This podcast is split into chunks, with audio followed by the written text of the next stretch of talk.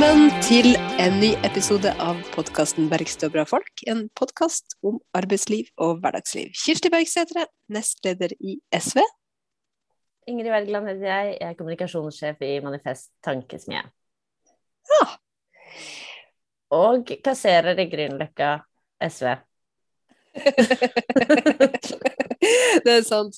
Og siden eh, forrige episode, så eh, har jo jeg også blitt valgt inn som stortingsrepresentant eh, for Akershus og for Sosialistisk Venstreparti.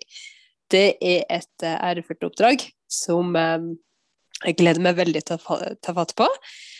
Og det leder oss jo litt inn i noe vi jo bare må oppsummere litt, nemlig valget. Ja, gratulerer med valget, Kirsti, som ny representant for mitt gamle hjemfylke. Jeg er veldig stolt og trygg at det er i dine hender. I dine sosialistiske, akershusjanske hender. Ja, og eh, noe av det viktigste de hendene her skal ta fatt i, er jo å eh, gi ditt eh, gamle hjemfylke og mitt nåværende fylke sin plass tilbake. Fordi vi skal jo løse opp Viken, og så Troms og, og, Finnmark. Så kan det hende at det er andre fylker som melder seg på, eh, når man ser at eh, det er rom eh, for demokrati. Når et nytt politisk flertall tar fatt på jobben. Fordi vi, det har vi jo fått. Eh, folket var veldig tydelig i sin dom. Det ble eh, stemt frem med eh, veldig tydelig, tydelig overvekt. Et nytt politisk flertall. Ja, eh, og det, det var jo det vi ville, så det er jo bra. Altså, siden jeg nevnte Grünerløkka SV, så vil jeg jo gjerne komme med noen tall fra hvordan SV gjorde det på Grünerløkka. 17,3% Så det, da vil jeg si at vårt lokale gjorde en, en durabelig jobb.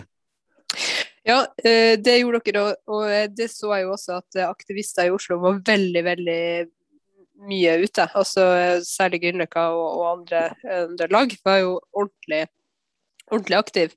Mange ganger for dagen eh, hadde man, eh, hadde man eh, stand og aktivitet. Og det er jo klart at da treffer man jo flere. Så mm. når man bor i et folkerikt område og har eh, mange aktivister som stiller opp, ja, da vinner man valg.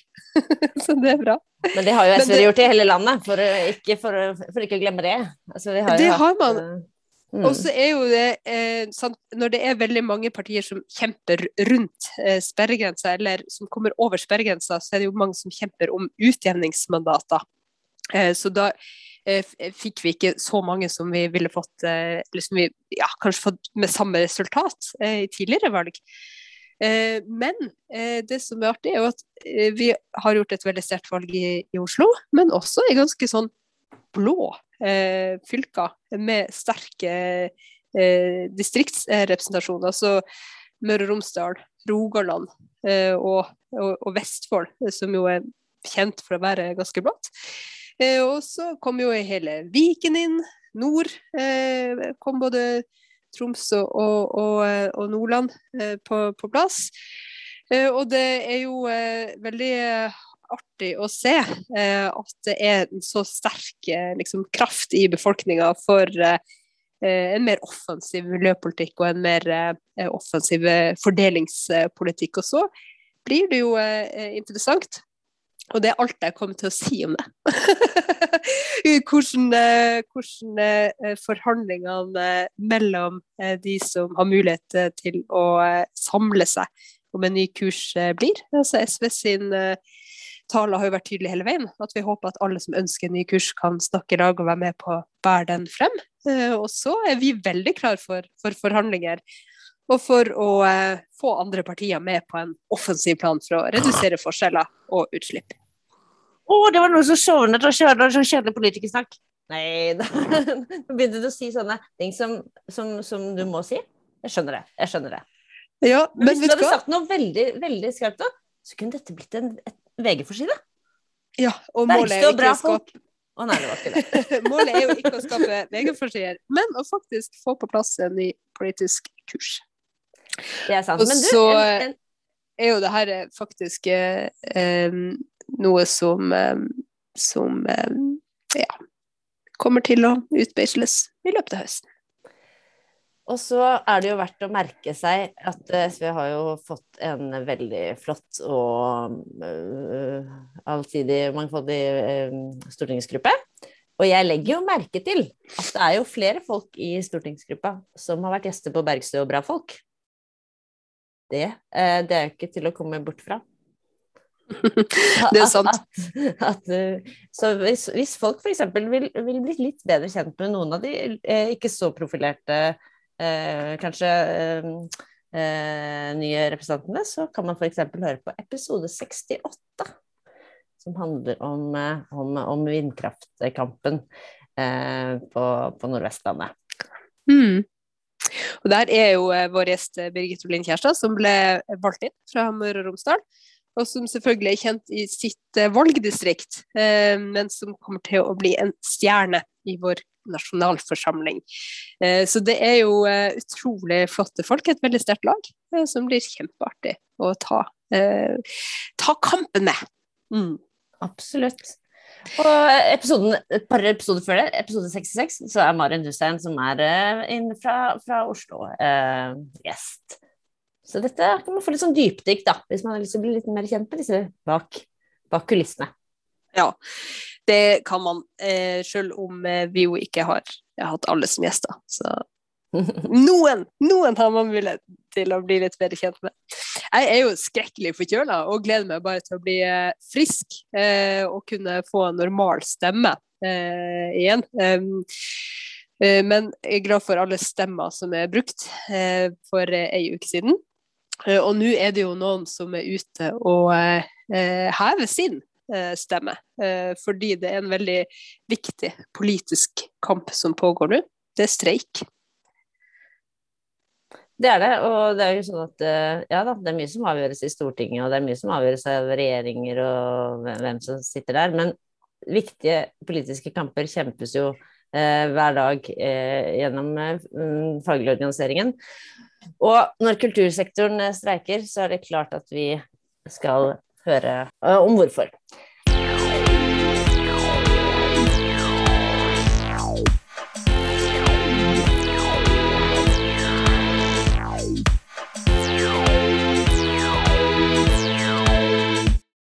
Nå pågår det en eh, streik blant kulturarbeidere over det ganske land. Det er flere forbund som har medlemmer som er tatt ut i streik. Både NTL, Creo, Fagforbundet er blant dem.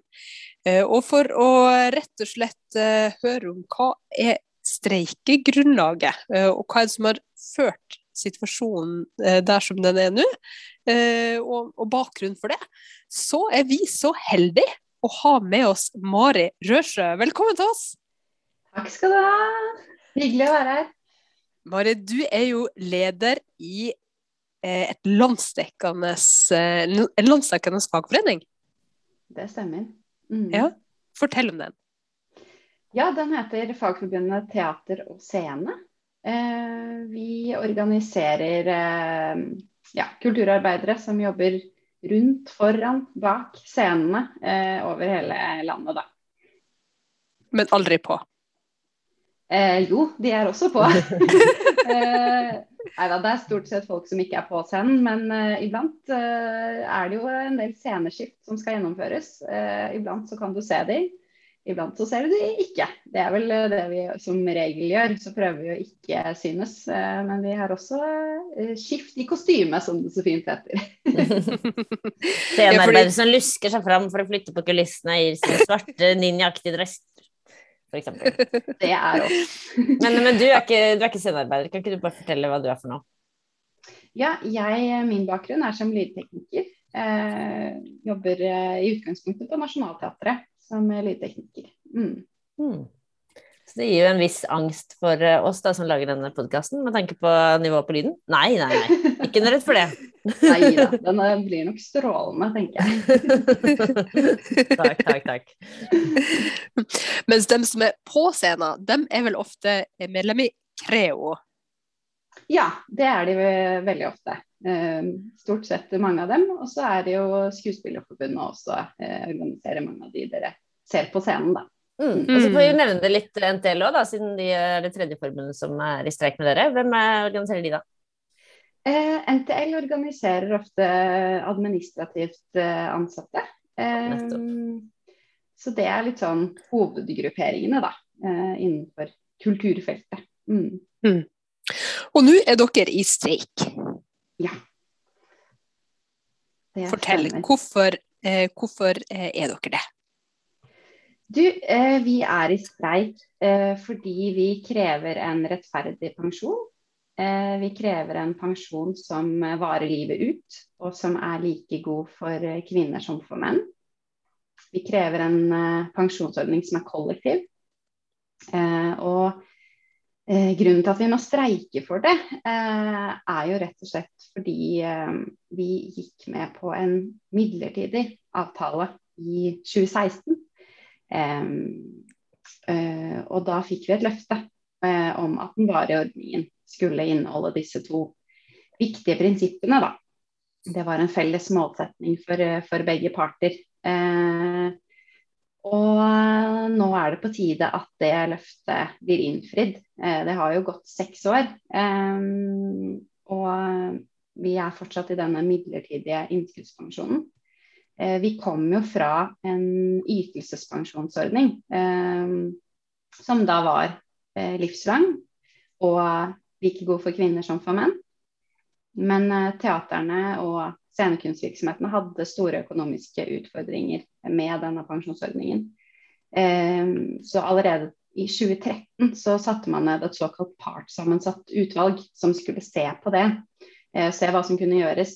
Eh, og det var et stort behov fra arbeidsgiversiden for å gjøre noe med pensjonsordningen. Da. For det var Eh, sånn at man måtte regnskapsføre alle de framtidige forpliktelsene man hadde. Så det, det skapte litt, rett og slett litt utfordringer da, i, i, regnskapene og i budsjettene til virksomhetene. Og som en ansvarlig part så ønsket vi å, å hjelpe til da, i den situasjonen. Vi ønsket å, å bidra. Um, og, komme, komme, dem i møte på det og se hva vi kunne bidra med. Eh, og da blei eh, kompromisset, eller den midlertidige løsninga, en innskuddspensjon eh, som var midlertidig. Eh, og en felles målsetning da, som vi stadig vekk minner om, og som var eh, premisset vårt som sa at pensjonsytelsene skulle være livsvarige og kjønnsnøytrale da, i den varige ordningen. Så det er den vi krever at skal komme på plass nå. Nå har det gått uh, seks år, som sagt.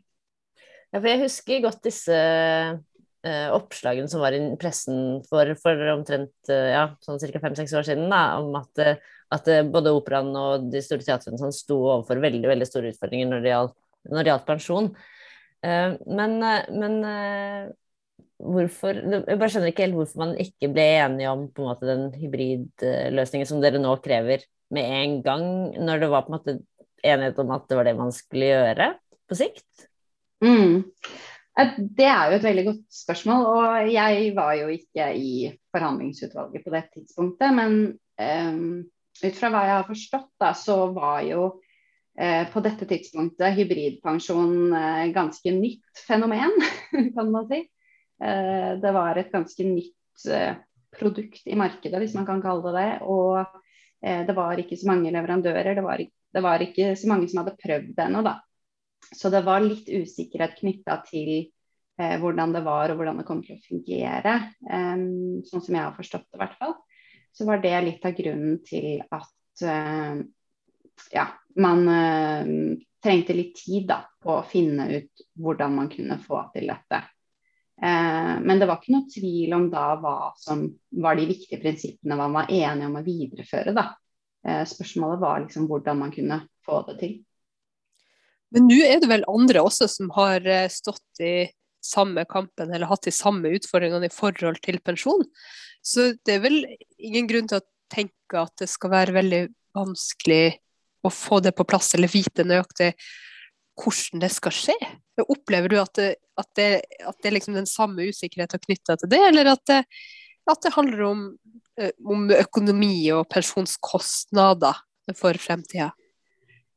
Ja, altså Det er jo et godt spørsmål som vi har brukt mye tid på for å egentlig prøve å forstå motparten vår og, og hva på en måte usikkerheten eller motstanden bunner i. da. Fordi nå er det jo veldig mange flere som har gått inn på hybridpensjon. Vi har fått det i PBL, i Norlandia-barnehagene. Eh, Trondheim Symfoniorkester har eh, hybridpensjon.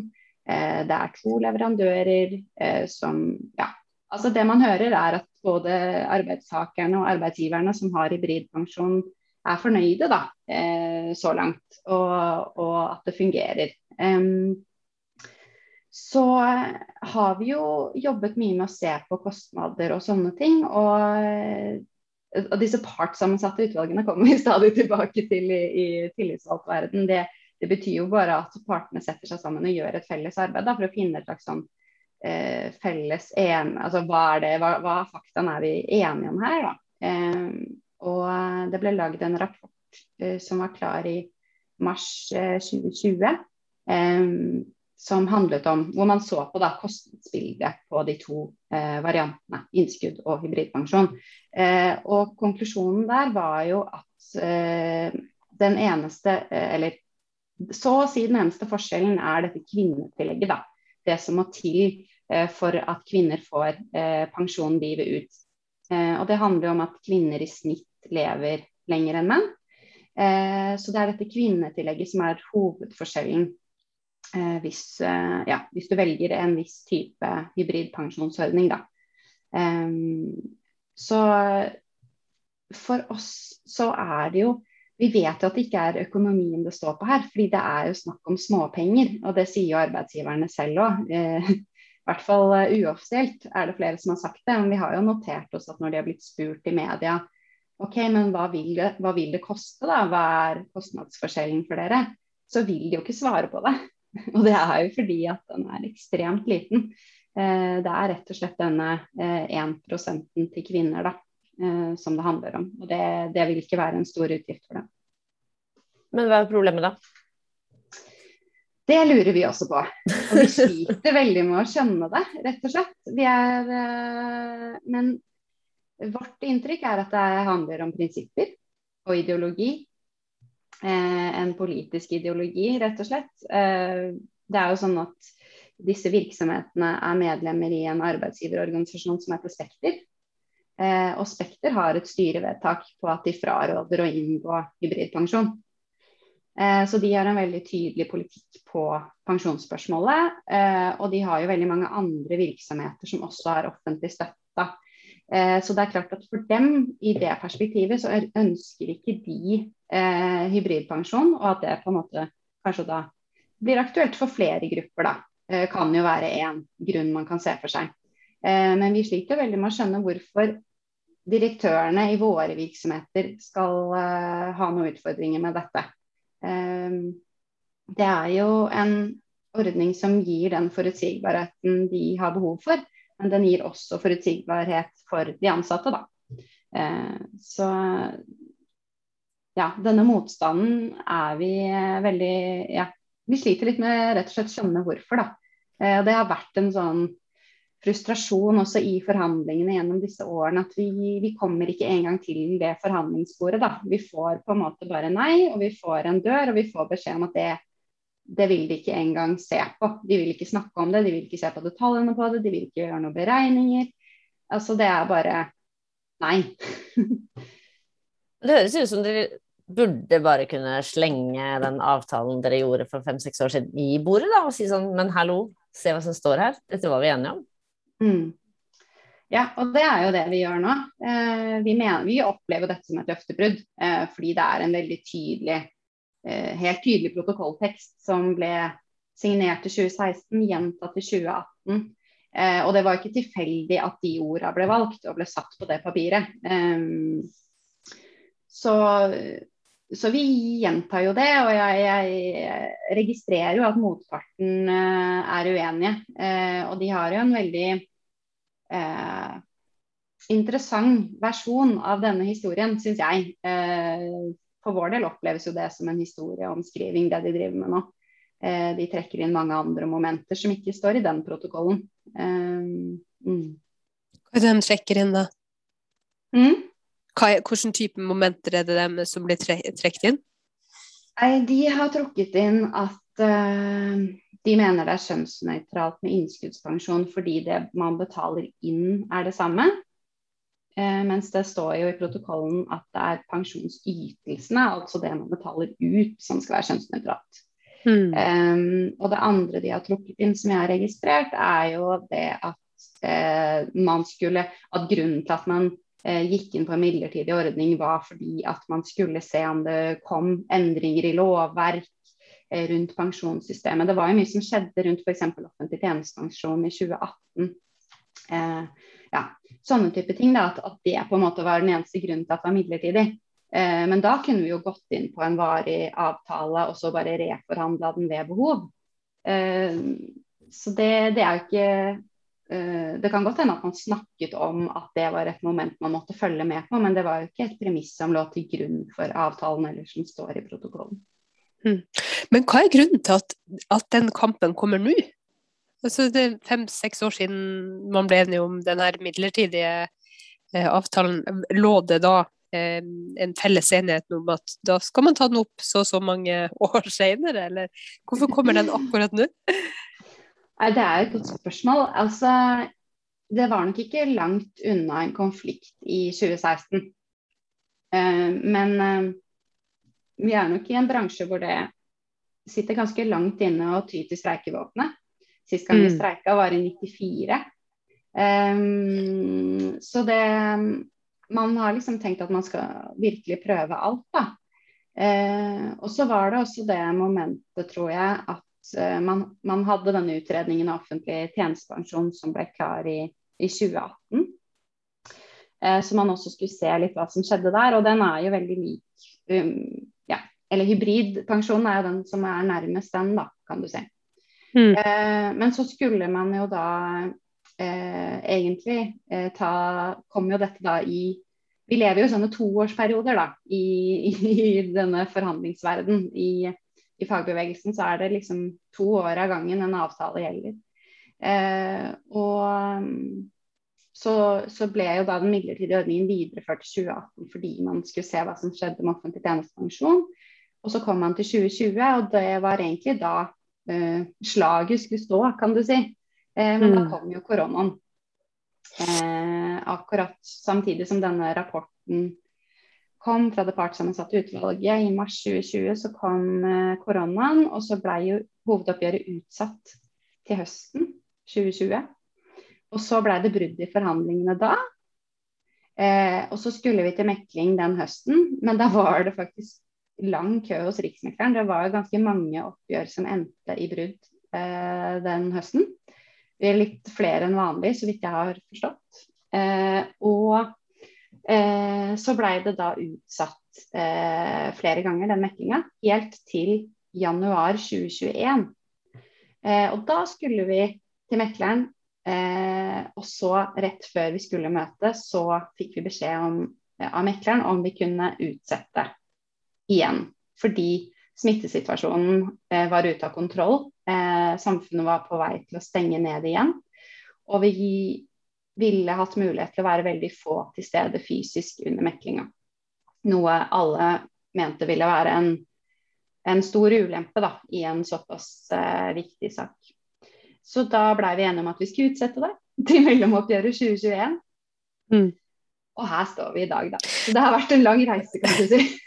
det har vært en lang reise, men også eh, det at ting har blitt eh, forskjøvet eh, på i tid. Eh, og, eh, og, og, også dere som er i en bransje som er, som er veldig prega av korona, som er blitt veldig hardt ramma eh, av koronanedstenginga. Hvordan har det virka inn på det å holde trøkk backe opp kravene intakt eh, og stå sammen som, som et fellesskap mot, mot, felles mål? Altså, det har vært veldig tøft, og det er kanskje det vanskeligste vi står i nå også. Um, det kunne på en måte ikke vært et dårligere tidspunkt på mange måter. Folk hadde gleda seg veldig mye til å endelig på en måte komme tilbake på jobb eh, spille for fulle hus igjen, ikke bare ha sånne halvslappe saler.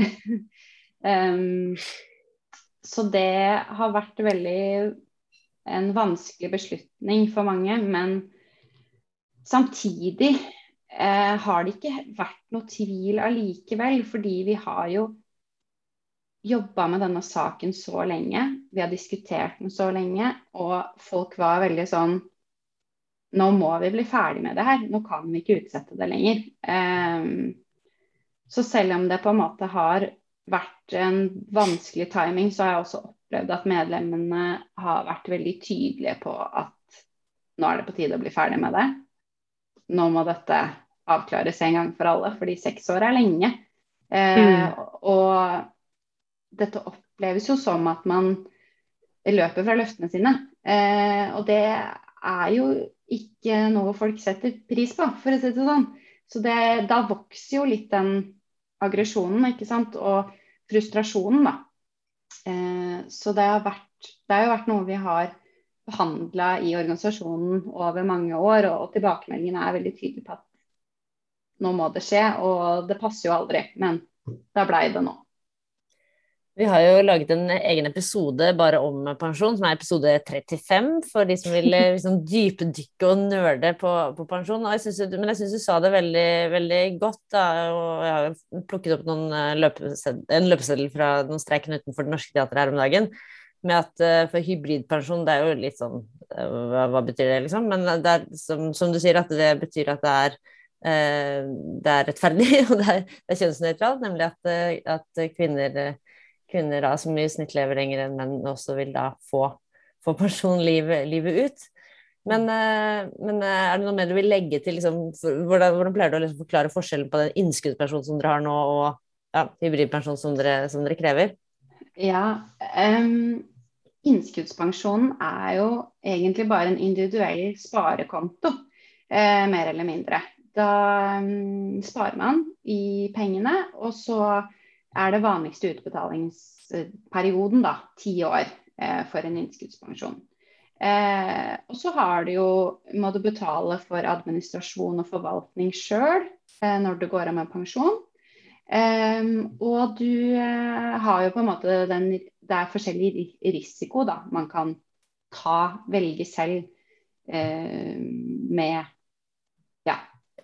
hva du rett og slett gjør på børsen med pengene ja, dine. Da, hvor stor andel det skal være i aksjer, f.eks. Ja. ja. Mm. Så vi, vi, så, altså vi, som har denne innskuddspensjonen, eh, vi har jo fulgt litt med. Og sånn som når koronaen kom i mars 2020, så stupte jo den saldoen vi hadde eh, ganske langt ned.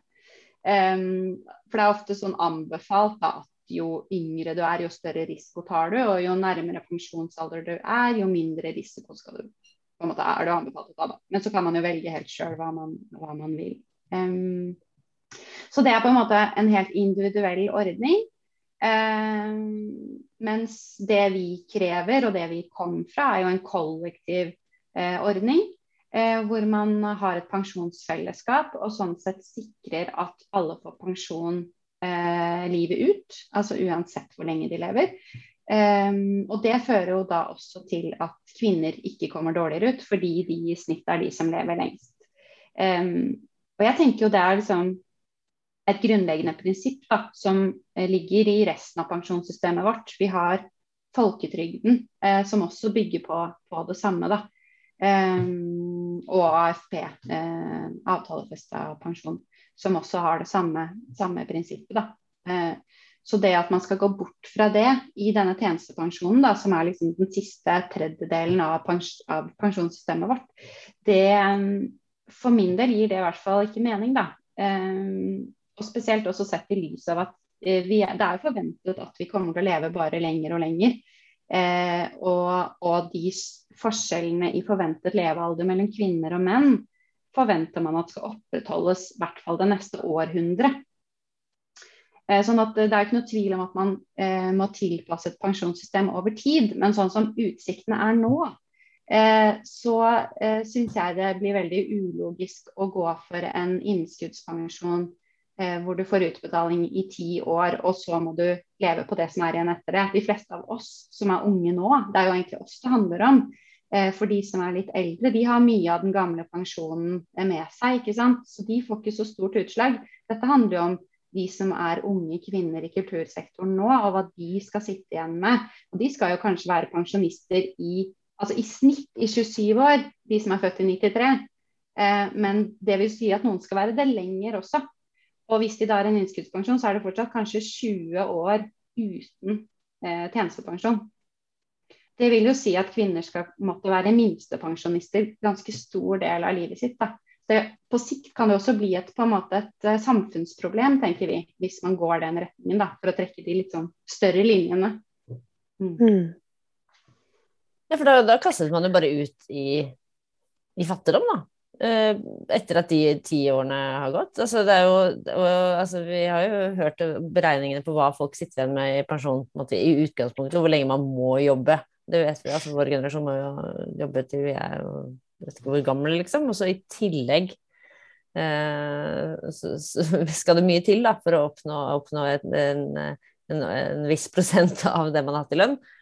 Og så skal da det, en tredjedel av det bli borte. Altså, det er jo ja, det er jo en, det er en fattigdomsoppskrift uh, for, uh, for uh, mange generasjoner folk, liksom. Mm. Eller alle kommende generasjoner, da, kan man si. Ja. Ja. så blir det ofte trukket fram som en fordel av arbeidsgiversiden at med innskuddspensjonen så går det til arvingene det som eventuelt er igjen, da, man, eller når man går bort.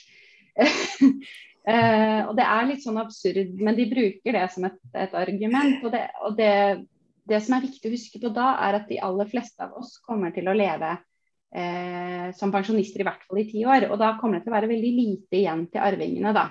Uh, pluss at det er jo ganske absurd at det å dø tidlig skal bli et argument for noe. Men det er nå engang noe som blir trukket fram. Mm.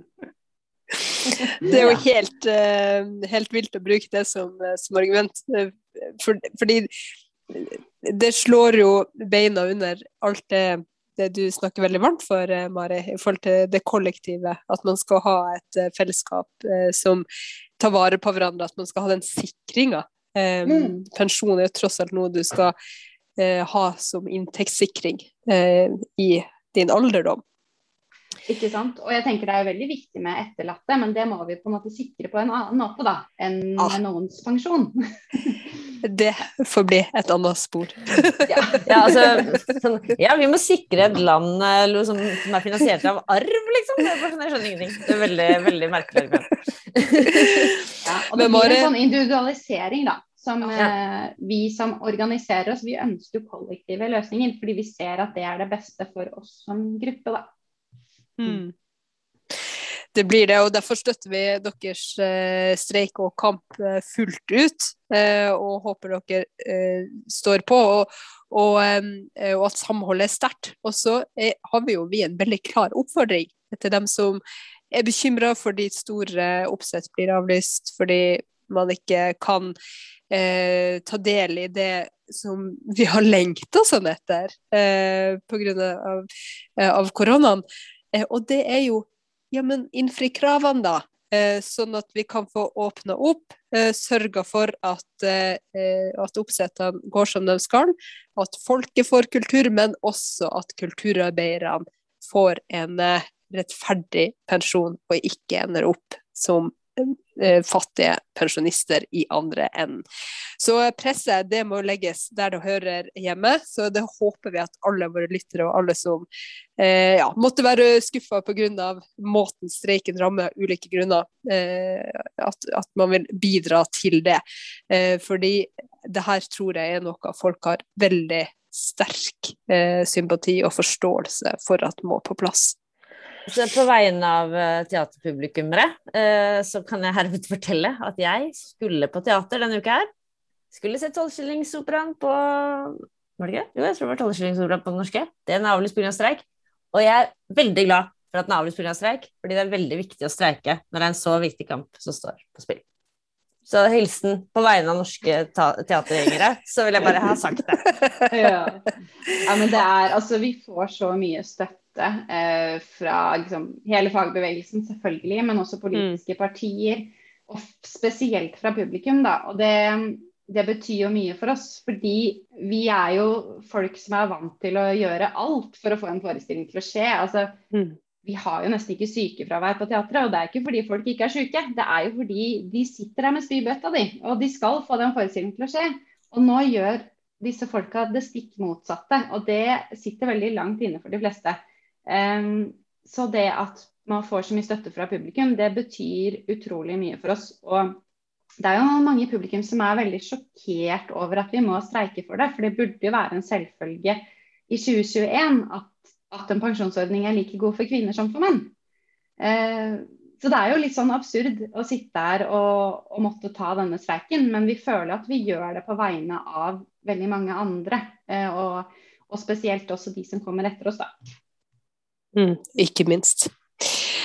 Mari, eh, du tar en kamp både for eh, dere som er i jobb i dag, og de som kommer etter. Men vi har et spørsmål som handler om hvor man egentlig starta hen. Eh, helt sjøl, altså. Dette er jo en podkast om eh, arbeidsliv og hverdagsliv. Eh, og da har vi rett og slett et fast spørsmål til våre gjester. Og det er hva var din aller første jobb? ja. Um, nei, det er jo kanskje så mange andre, så var det da gjennom uh, mamma, som jobba i Byarkivet. Uh, på det tidspunktet fikk jeg uh, en sommerjobb, var det vel, um, i, Byarkivet. Det var vel når jeg gikk på ungdomsskolen. Um, Snakker vi i Oslo nå, eller? Da snakker vi Oslo Byarkiv, ja. Mm, riktig. Så da fikk jeg klistra etiketter på, på eh, arkivmapper, og så sortere de liksom i eh, bokser og alfabetisk og sånn, da. Eh, ja. Så det, det, var vel nok eh, der jeg starta. Mm. Var det mye støv, eller var det, var det pent og ryddig? Og... Høres ut støv, støvete kjeller ut. var, jeg fikk sitte liksom oppe på kontorene, så det var ikke så støvete. Men det var veldig spennende å være med ned i de magasinene og se på de litt mer eh, enda eldre papirene, da. Var du inni et sånt hvelv? Jeg så for meg det. Ja. Uh. Med sånne store sånne dører, eh, eller sånne ja. Sånne hjul, nesten. Som man... Hjul, ja. Som kan ja. snurre rundt, og så flytter liksom hele greia seg. Oi, det er tøft. Når man ser sånn, så tenker man at her må masse hemmeligheter finnes. Ja, ja. Og det, det, er jo mange hemmeligheter og skatter i sånne, sånne steder, hvis man uh, leter, tror jeg. Ja, er byarkiv? byarkiv er liksom Oslo kommunes uh, liksom, gigantiske arkiver, liksom, eller hva er det? Ja, stemmer. Mm. Mm. Nettopp. Så spennende. Det hørtes veldig flott ut. Jeg var nede i, i arkivet til, eller magasinet som du kanskje kaller det, til arbeidernes Nei, arbeiderbevegelsens bibliotek. Ja. Eh, Arbeiderbevegelsens arkiv og bibliotek heter det fulle navn, eller ARB-ark blant venner. Det er jo et eh, flott, eh, flott bibliotek som inneholder alt mulig arbeiderlitteratur sånn, som holder til i, LO-bygget. Og de har jo også et hvelv av et sted nede i kjelleren. Da fikk jeg være med og se på hovedavtalen, originalmanuskript, så det var veldig Det var, det var stort. Skulle du grave frem noen ting, eller var det bare Nei, jeg var, var, jeg var på omvisning. Jeg var på omvisning. Men jeg, jeg, har også vært der noen ganger og, og funnet frem litt uh, gamle bilder og sånn uh, til, uh, til, noen av bøkene og pamflettene vi gitt ut på, på Forleggermanifest, men, men, den gangen så var det mest så var jeg som en slags turist. Ja, ja vi har jo levert arkivene våre dit, så Ja, ikke sant? Mm. Vi som i Fagforbundet, eller? Ja, og Fagforbundet Teater og Scene, da. Ja. Mm. Mm. Ja, nettopp. Så der har vi rett. Der er det mye skatter, og den som leter, finner kanskje noen hemmeligheter òg. Mare, vi sier tusen takk for at du var med oss, for at du kunne opplyse folk om streikegrunnlaget. Og så heier vi på dere. Heia, heia, heia. Helt frem til en rettferdig og kjønnsnøytral pensjon er på plass. Det her må bare gå veien. Lykke til! Tusen takk skal dere ha, og takk for at jeg fikk komme. Takk til deg som hørte på. Støtt streiken!